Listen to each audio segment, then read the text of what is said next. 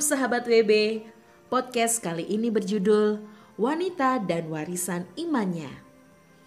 Sahabat WB, sebuah pepatah Yunani kuno berkata, God could not be everywhere, so he created mom.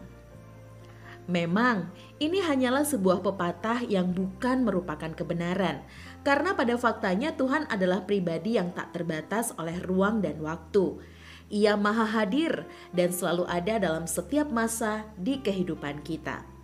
Namun, dari pepatah ini kita melihat bahwa dalam kehidupan sehari-hari, peranan seorang ibu tidak dapat disangkal, bak menjadi tangan kanan Tuhan sendiri. Mulai dari bekal anak hingga menjadi manusia yang mandiri, anak tidak lepas dari pengasuhan sang ibu. Meski tidak seluruh tanggung jawab mendidik anak menjadi milik seorang ibu semata, pengaruh ibu sangat besar dalam kehidupan seorang anak.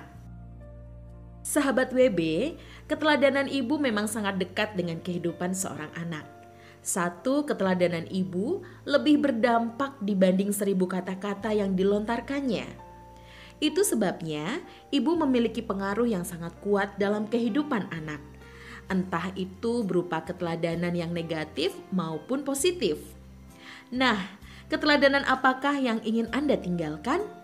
Mari kita belajar dari kehidupan seorang janda dan kedua anaknya di 2 Raja-Raja 4 ayat 1 sampai dengan ayat 7. Sahabat WB, suatu hari istri seorang nabi datang menghampiri Elisa. Ia menyampaikan keluhannya. Ia berkata, Hambamu, suamiku, sudah mati, dan engkau ini tahu bahwa hambamu ini takut akan Tuhan. Tetapi sekarang penagih utang sudah datang untuk mengambil kedua orang anakku menjadi budaknya. Sahabat WB, seperti kita ketahui bersama, penghasilan seorang nabi didapat dari persembahan tiap-tiap suku Israel. Catatan ini terdapat dalam Ulangan 18 ayat 1 sampai ayat 8. Mereka tidak memiliki warisan pusaka di tanah Israel karena Tuhan sendirilah yang menjadi milik pusaka mereka.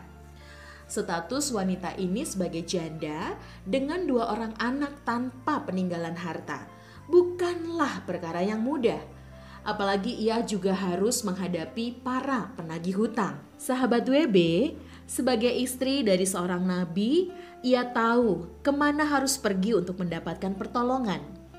Perkara mujizat bisa jadi sudah menjadi makanannya sehari-hari. Itu sebabnya kala itu ia memutuskan untuk melangkahkan kakinya menuju Elisa. Elisa pun menjawabnya, Apakah yang dapat kuperbuat bagimu? Beritahukanlah kepadaku apa-apa yang kau punya di rumah. Berkatalah wanita itu, Hambamu ini tidak punya sesuatu apa pun di rumah, kecuali sebuah buli-buli berisi minyak. Sahabat WB, sadarkah Anda bahwa Tuhan sering kali menjawab pergumulan kita melalui sumber-sumber daya yang kita miliki? Sekalipun itu terlihat kecil di mata kita, tetapi tidak bagi Tuhan. Ada banyak cerita dalam Alkitab yang menggambarkan hal ini tongkat di tangan Musa, umban Daud yang mengalahkan Goliat, hingga lima roti dan dua ikan milik seorang anak kecil yang memberi makan lima ribu orang, dan lain sebagainya. Selanjutnya, Elisa memberikan perintah agar janda itu mengumpulkan bejana-bejana sebanyak mungkin yang ia mampu. Kemudian masuklah, tutuplah pintu sesudah engkau dan anak-anakmu masuk Lalu tuanglah minyak itu ke dalam segala bejana. Mana yang penuh, angkatlah. Dan janda itu taat melakukan apa yang diperintahkan Elisa.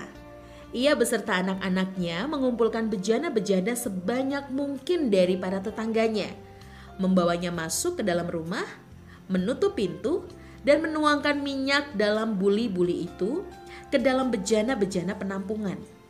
Satu persatu, bejana itu mulai terisi. Penuh. Lalu mujizat pun terjadi hingga bejana terakhir terisi penuh dan lunaslah hutang-hutangnya. Bahkan ia dapat hidup dari lebihnya. Sahabat WB, catatan penting yang patut kita cermati secara seksama adalah bahwa wanita ini senantiasa melibatkan anak-anaknya. Tentu, setiap tindakan yang diambilnya dalam menghadapi persoalan menjadi teladan iman bagi kedua anaknya. Mulai dari keputusannya untuk melangkah mencari pertolongan kepada orang yang tepat, hingga langkah imannya untuk mengumpulkan sebanyak mungkin bejana. Peristiwa mujizat ketika minyak dalam buli-buli itu dituang ke dalam masing-masing bejana sudah pasti terjadi di depan mata anak-anaknya. Janda ini mempertontonkan kuasa Tuhan secara langsung di hadapan mata kedua anaknya. Sekalipun kesulitan menghadang, ia tidak ragu mengajak anak-anaknya untuk tetap mempercayai Allah. Sehingga meski Allah tidak terlihat, kehadirannya sangat nyata dalam kehidupan mereka. Sahabat WB, mempercayai Tuhan yang tidak terlihat namun nyata dalam kehidupan ini membutuhkan iman. Seperti yang tercatat dalam Ibrani 11 ayat yang pertama. Iman adalah dasar dari segala sesuatu yang kita harapkan dan bukti dari segala sesuatu yang tidak kita lihat. Oleh sebab itu, warisan terbesar yang dapat diberikan seorang ibu kepada anaknya adalah imannya. Ini berlaku pada anak jasmani maupun anak rohani. Kita bisa saja menyediakan berbagai fasilitas untuk memenuhi kebutuhan, termasuk kebutuhan rohani si anak kita, tetapi tanpa keteladanan iman kita sendiri, iman seorang anak tidak akan bertumbuh. Jangan menyerah akan pergumulan, kesulitan yang sedang Anda hadapi hari ini. Teruslah berpegang pada iman akan janji-janji Tuhan sampai setiap janji itu digenapi. Apa? Apa yang Anda alami hari ini akan menjadi warisan iman yang tidak terlupakan bagi anak-anak Anda kelak. Sahabat WB, berikut ini ada tiga hal yang patut kita refleksikan. Yang pertama, bagaimana Anda selama ini melibatkan Tuhan dalam kehidupan Anda sehari-hari? Lalu yang kedua, apakah yang Anda suguhkan dalam kehidupan anak Anda? Kuasa Tuhan ataukah kekuatan pribadi yang dilihatnya dari hidup Anda? Lalu yang ketiga atau yang terakhir, ambillah komitmen di awal tahun ini untuk mempertontonkan semaksimal mungkin kuasa Tuhan dalam kehidupan anak-anak Anda. Demikianlah podcast kali ini. Terima kasih sudah mendengarkan. Sampai jumpa dan Tuhan Yesus memberkati.